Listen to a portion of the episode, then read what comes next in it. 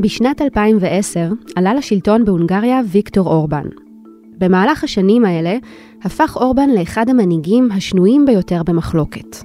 הוא פירק את העיתונות החופשית בארצו, הקיף את הונגריה בגדרות וסירב לקבל את מדיניות ההגירה של האיחוד האירופי, בה ארצו חברה. אורבן גם מנהיג קו תקיף של לאומנות, ומואשם גם בשנאת זרים ואנטישמיות, האשמות אותן הוא דוחה.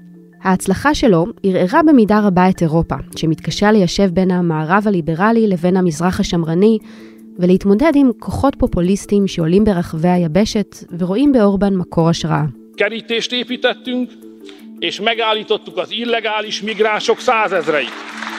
באפריל הקרוב יתקיימו בהונגריה בחירות, ובפעם הראשונה מזה שנים נראה שיש סיכוי למהפך שלטוני במדינה. כדי שזה יקרה, קואליציה רחבה ובעלת קשרים רופפים צריכה לשתף פעולה ולצלוח את המשימה הלא פשוטה. היי, אני רחל גולדברג ואתם על חוץ לארץ, פודקאסט חדשות החוץ של הארץ. בכל שבוע אנחנו מדברים על סיפור חדשותי אחר מהעולם הגדול. הפעם אנחנו בהונגריה. עם דוקטור אסתר לופטין ננסה להבין איך הפך אורבן ממנהיג של מדינה לא גדולה במיוחד, לשם שכולם מדברים עליו ולמוביל האידיאולוגיה השמרנית באירופה, איך השתנתה הונגריה בשנות שלטונו, ולמה הבחירות האלה כל כך מכריעות.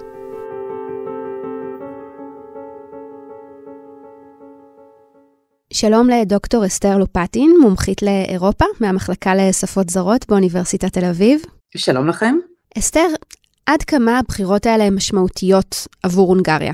הבחירות האלה מאוד משמעותיות וחשובות להונגריה, אני חושבת שזה הבחירות החשובות ביותר בעשור האחרון. כי לראשונה בעצם יש אפשרות באמת להביס את הורבן ולהחליף אותו.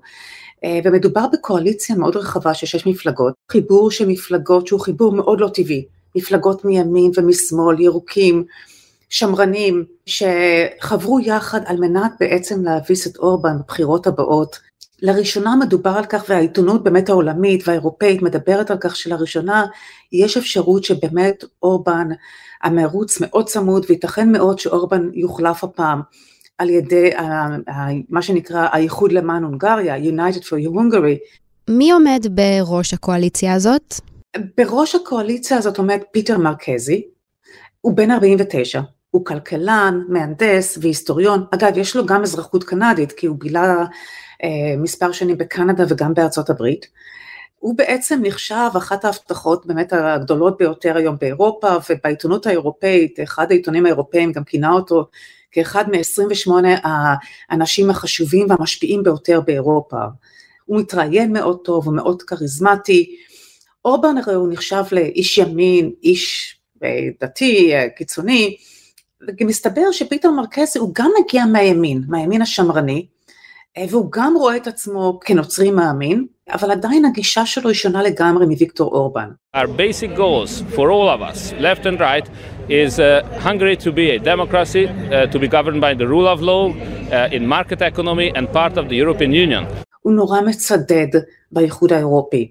Uh, הוא רוצה שהונגריה תתקרב לאיחוד האירופי, ולא כפי שראינו עם ויקטור אורבן, הונגריה הלכה והתרחקה מהאיחוד האירופי, והיו לא מעט עימותים בין הונגריה לאיחוד האירופי בשנים האחרונות, בגלל כל הנושא של הזכויות ללהט"בים, וכמובן שלטון החוק, והעובדה שבעצם אה, לאט לאט אה, ויקטור אורבן בעצם כרסם בדמוקרטיה בהונגריה.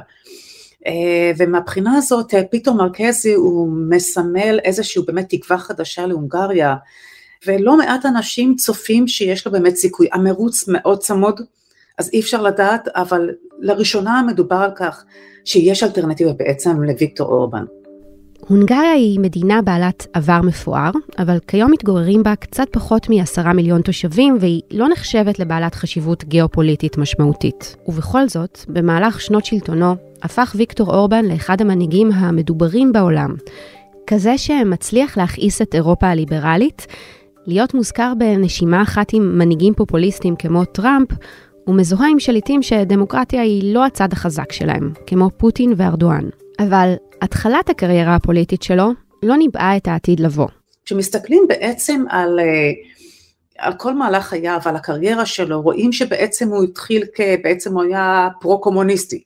לאחר מכן הוא נלחם כנגד הקומוניסטים, ב-88 הוא מקים בעצם הוא אחד מהאבות המייסדים של ה, מה שנקרא הברית של הדמוקרטים הצעירים. אגב, הוא זכה לכל כך הרבה פרסים, גם מאמריקאים וגם מאירופאים, כי הוא סתמן כבאמת ליברל, ליברל גדול, הוא אפילו ב-92 הוא הפך להיות מה שנקרא סגן התנועה הליברלית העולמית, ואז פתאום שנתיים לאחר מכן ב-94 הוא משנה את עורו והופך להיות פתאום שמרן ומכריז על המפלגה שלו כמפלגה שמרנית. ופה כמה מחבריו כמובן עוזבים אותו והוא מצטרף פשוט גם בפרלמנט האירופי למפלגה השמרנית הנוצרית ה-EPP, ופתאום אנחנו רואים באמת את השינוי הזה מ- מליברל, מהצד השמאלי של המפה לפתאום ימני ושמרני, פופוליסטי, קיצוני, אה, וזה באמת, השינוי הזה הוא באמת מאוד מאוד תמוה. אה,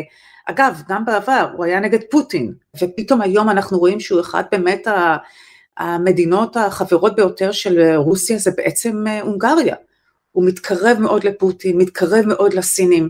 שזה מאוד מאוד מעניין, אה, והטענה היא שבעצם, אה, שהוא מאוד מאוד פרגמטיסט, והוא עושה זאת באמת על מנת לצבור קולות ולשכנע את הציבור בצדקת דרכו ובכך שהוא כמובן מגן על האינטרסים והציבור ההונגרי, והוא עשה לא מעט מהבחינה הזאת.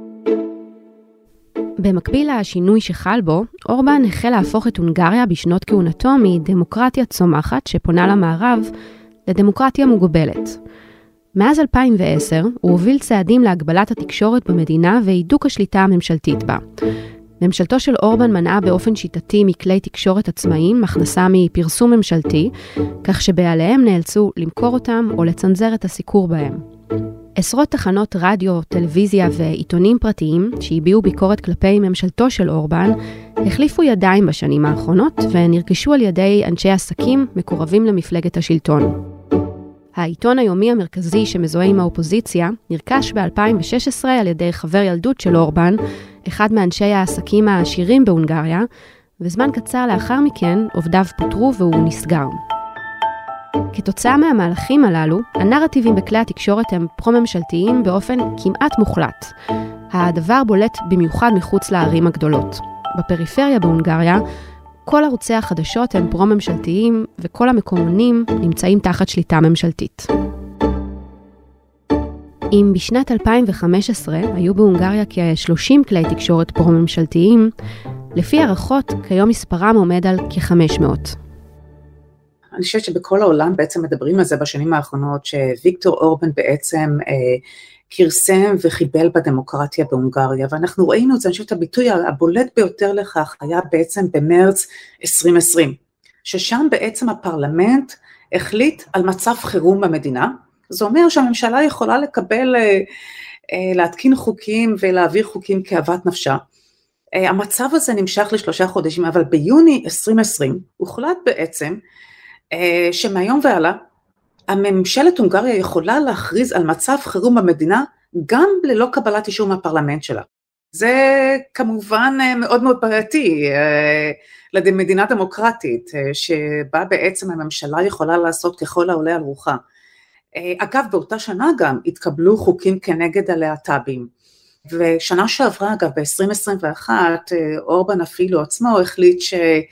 אה, מעתה אנחנו נטיל צנזורה על ספרים, אה, סרטים אה, וגם אירועי תרבות שמנסים לקדם את זכויות הלהט"בים או מנסים בעצם לקדם את הזכויות של הקהילה הגאה, שזה כמובן מאוד מאוד מאוד בעייתי. אנחנו רואים את זה, זה פשוט, זה תהליך שלקח שנים, אבל בהחלט האיחוד האירופי נורא נורא מוטרד מזה, ולא פעם הוא הביע את אי שביעות רצונו מהונגריה, והעובדה שבעצם בהונגריה אין כבוד לשלטון החוק. עכשיו צריך לומר שהונגריה הרי התקבלה לאיחוד האירופי ב-2004, ואחד, באיחוד האירופי בעצם יש לו איזה חמישה קריטריונים מרכזיים לקבלה של מדינה אה, לאיחוד האירופי, ואחד מהקריטריונים המרכזיים זה כבוד לשלטון החוק. כלומר היום בעצם, אם היינו ב-2004, הונגריה לא הייתה מתקבלת לאיחוד האירופי. אסתר, לפני שנמשיך עם הצעדים של אורבן להידוק השליטה במדינה, צריך להגיד שההצלחה של אורבן, שנמצא בשלטון כבר 12 שנה, היא גם בזכות ההצלחות שלו בניהול הכלכלה. המדיניות הכלכלית שלו הייתה מדיניות מאוד חכמה. הוא הצליח לחסל את האבטלה, להעלות את המשכורות במדינה, להקטין את החוב הלאומי, הוא אפילו חידש בתי חולים, כלומר הוא עשה באמת הרבה מאוד דברים, הוא ערך הרבה מאוד רפורמות, ומהבחינה הזאת אה, הוא הצליח באמת אה, לגרום לכך שבאמת הרבה מאוד בציבור העריכו את, ה, את פועלו הכלכלי, וזה משהו שכמובן מסביר את האהדה כלפיו במידה רבה. ולזה אפשר להוסיף גם צעדים או תחבולות פוליטיות, למשל במקרה של שני מיליון הונגרים שחיים מחוץ למדינה, שאורבן העניק להם זכות הצבעה באופן שמשרת אותו פוליטית. המהלך הזה מאוד חשוב, אני חייבת לומר. אגב, יש יותר אפילו. הטענה היא שבעצם תלוי מי סופר את זה, אבל הטענה היא שיש משהו כמו 4-5 מיליון מיעוטים הונגרים שחיים באירופה. אה, ברומניה יש כמיליון וחצי, אה, בסלובקיה חצי מיליון, באוקראינה אפילו 150 אלף. אה, ומה שקורה בעצם, המיעוטים האלה, לצערי הרב, במידה רבה מופלים לרעה.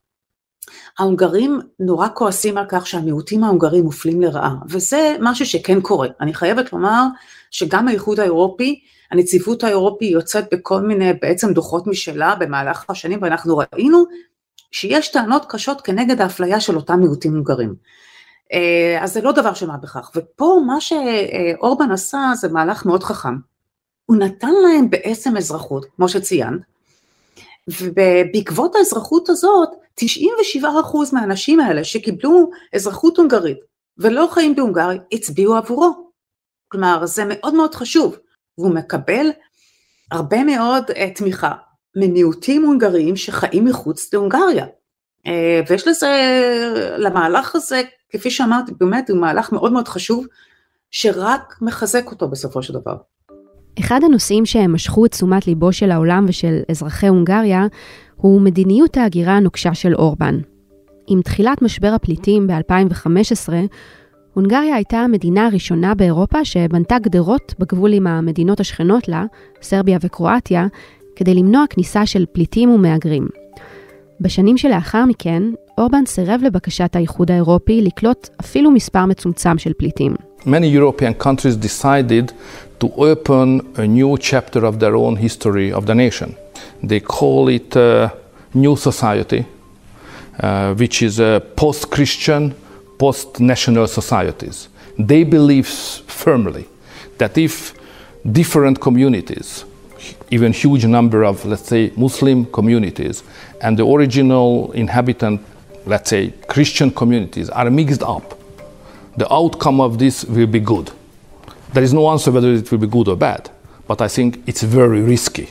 And the chance that it will be not good, but it will be very bad, is obvious.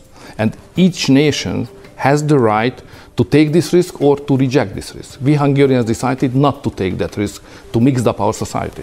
That's the reason why they attack Hungary so harshly, and that's the reason why my personal reputation is very bad. You know, I'm, I'm treated like the black sheep of the European Union personally, and sometimes Hungary as well, unfortunately.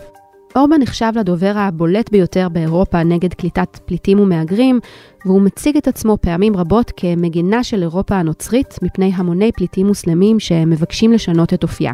למרות שהיא מוקפת גדרות ושיש בה רק מספר קטן של מבקשי מקלט, אורבן והתקשורת הפרו-ממשלתית מציגים במשך השנים את בעיית ההגירה כסכנה ברורה ומיידית להונגריה. אסתר, הונגריה היא מדינה מאוד הומוגנית מבחינת האוכלוסייה שלה, ויש להם גם זהות לאומית מאוד חזקה. עד כמה אורבן מעצב את המדיניות שלו לפי זה?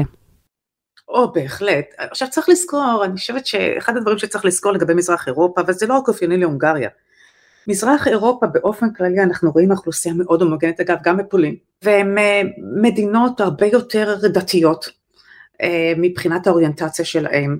עכשיו ההונגרים רואים את עצמם, ואורבן אמר לא פעם, והרבה מאוד הונגרים הזדהו עם כך לצערי הרב. הוא טען בעצם שאנחנו רוצים להגן על הצבע שלנו, על הגזע שלנו, על החברה שלנו, כלומר הוא אמר את זה בצורה שלא משתמעת לשני פנים.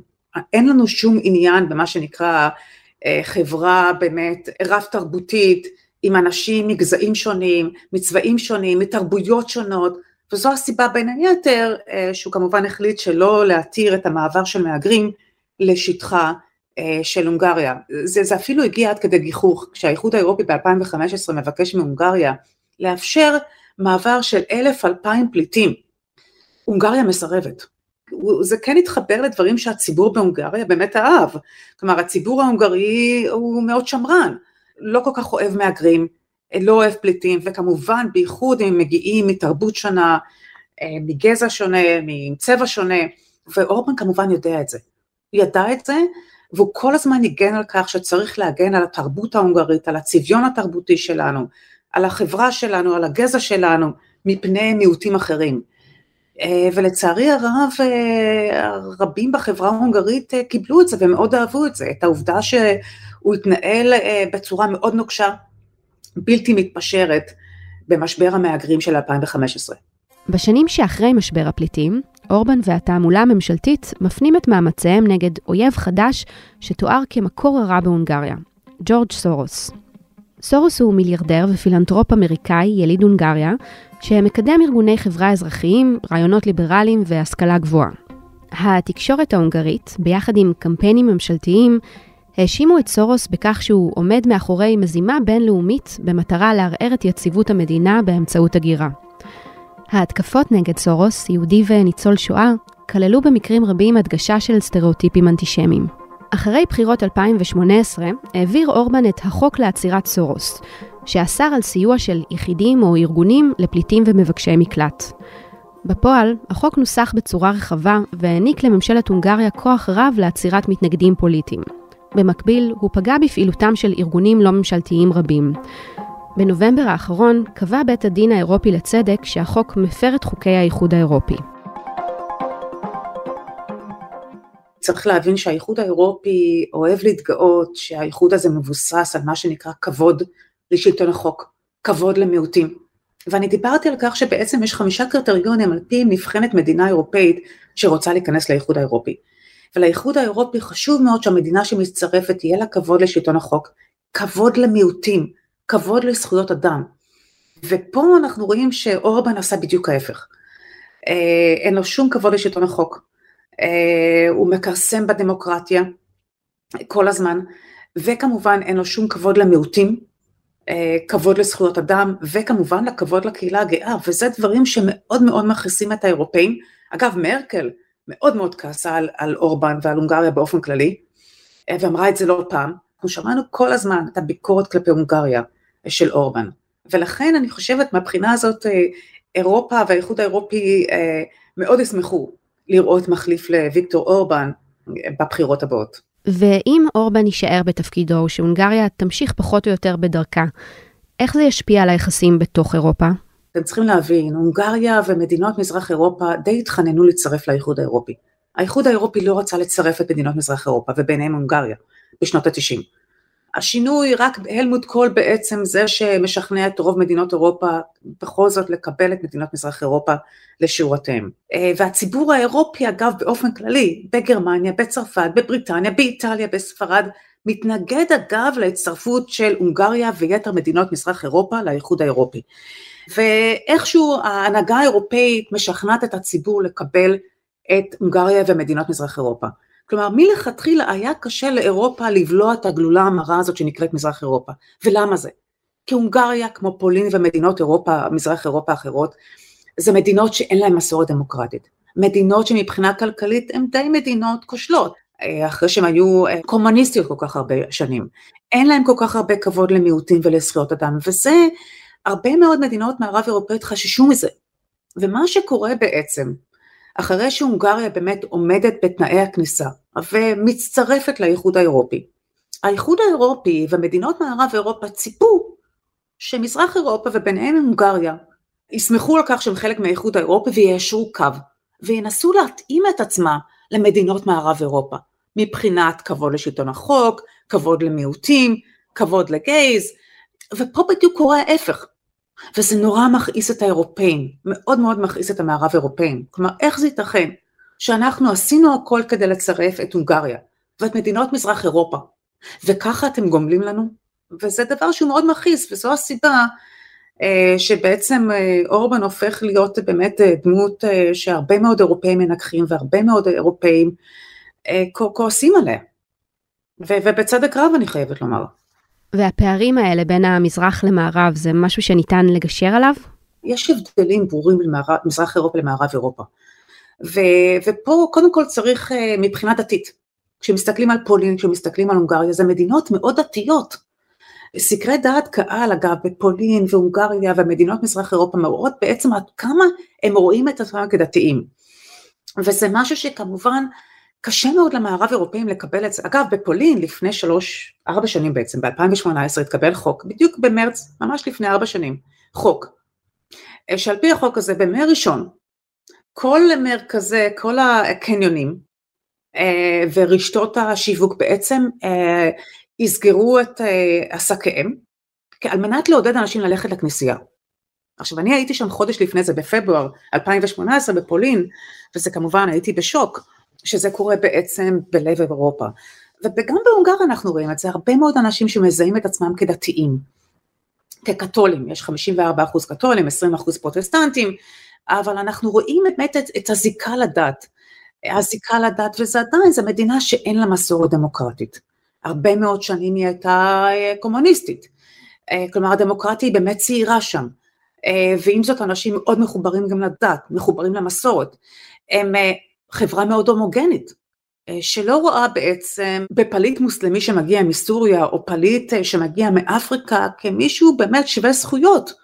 וזה כמובן מאוד מאוד מאוד בעייתי, כלומר אנחנו רואים פה דיסוננס בין מערב אירופה הנורא מתקדמת, לעומת מזרח אירופה שהיא איכשהו עדיין לא מצליחה לגשר על הפער אה, ולהתאים את עצמה וליישר קו עם מערב אירופה ו- וכן לצערי הרב אנחנו עדיין רואים הבדלים.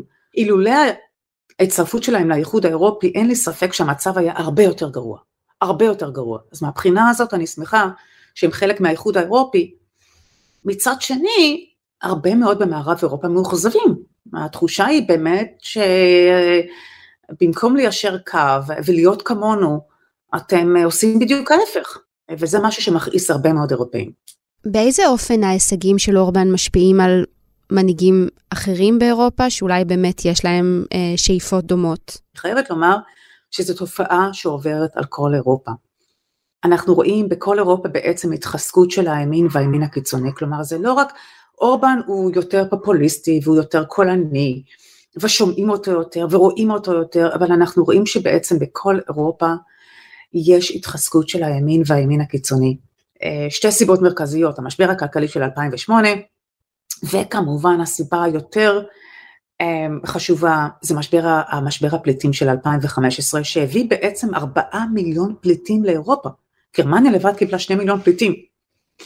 אה, מה עוד שלפני זה כבר האירופאים התלוננו על כך שהמהגרים בעצם לא מצליחים מבחינתם להשתלב בתוך החברה, החברות האירופאיות, החברה הגרמנית, הבריטית, הצרפתית.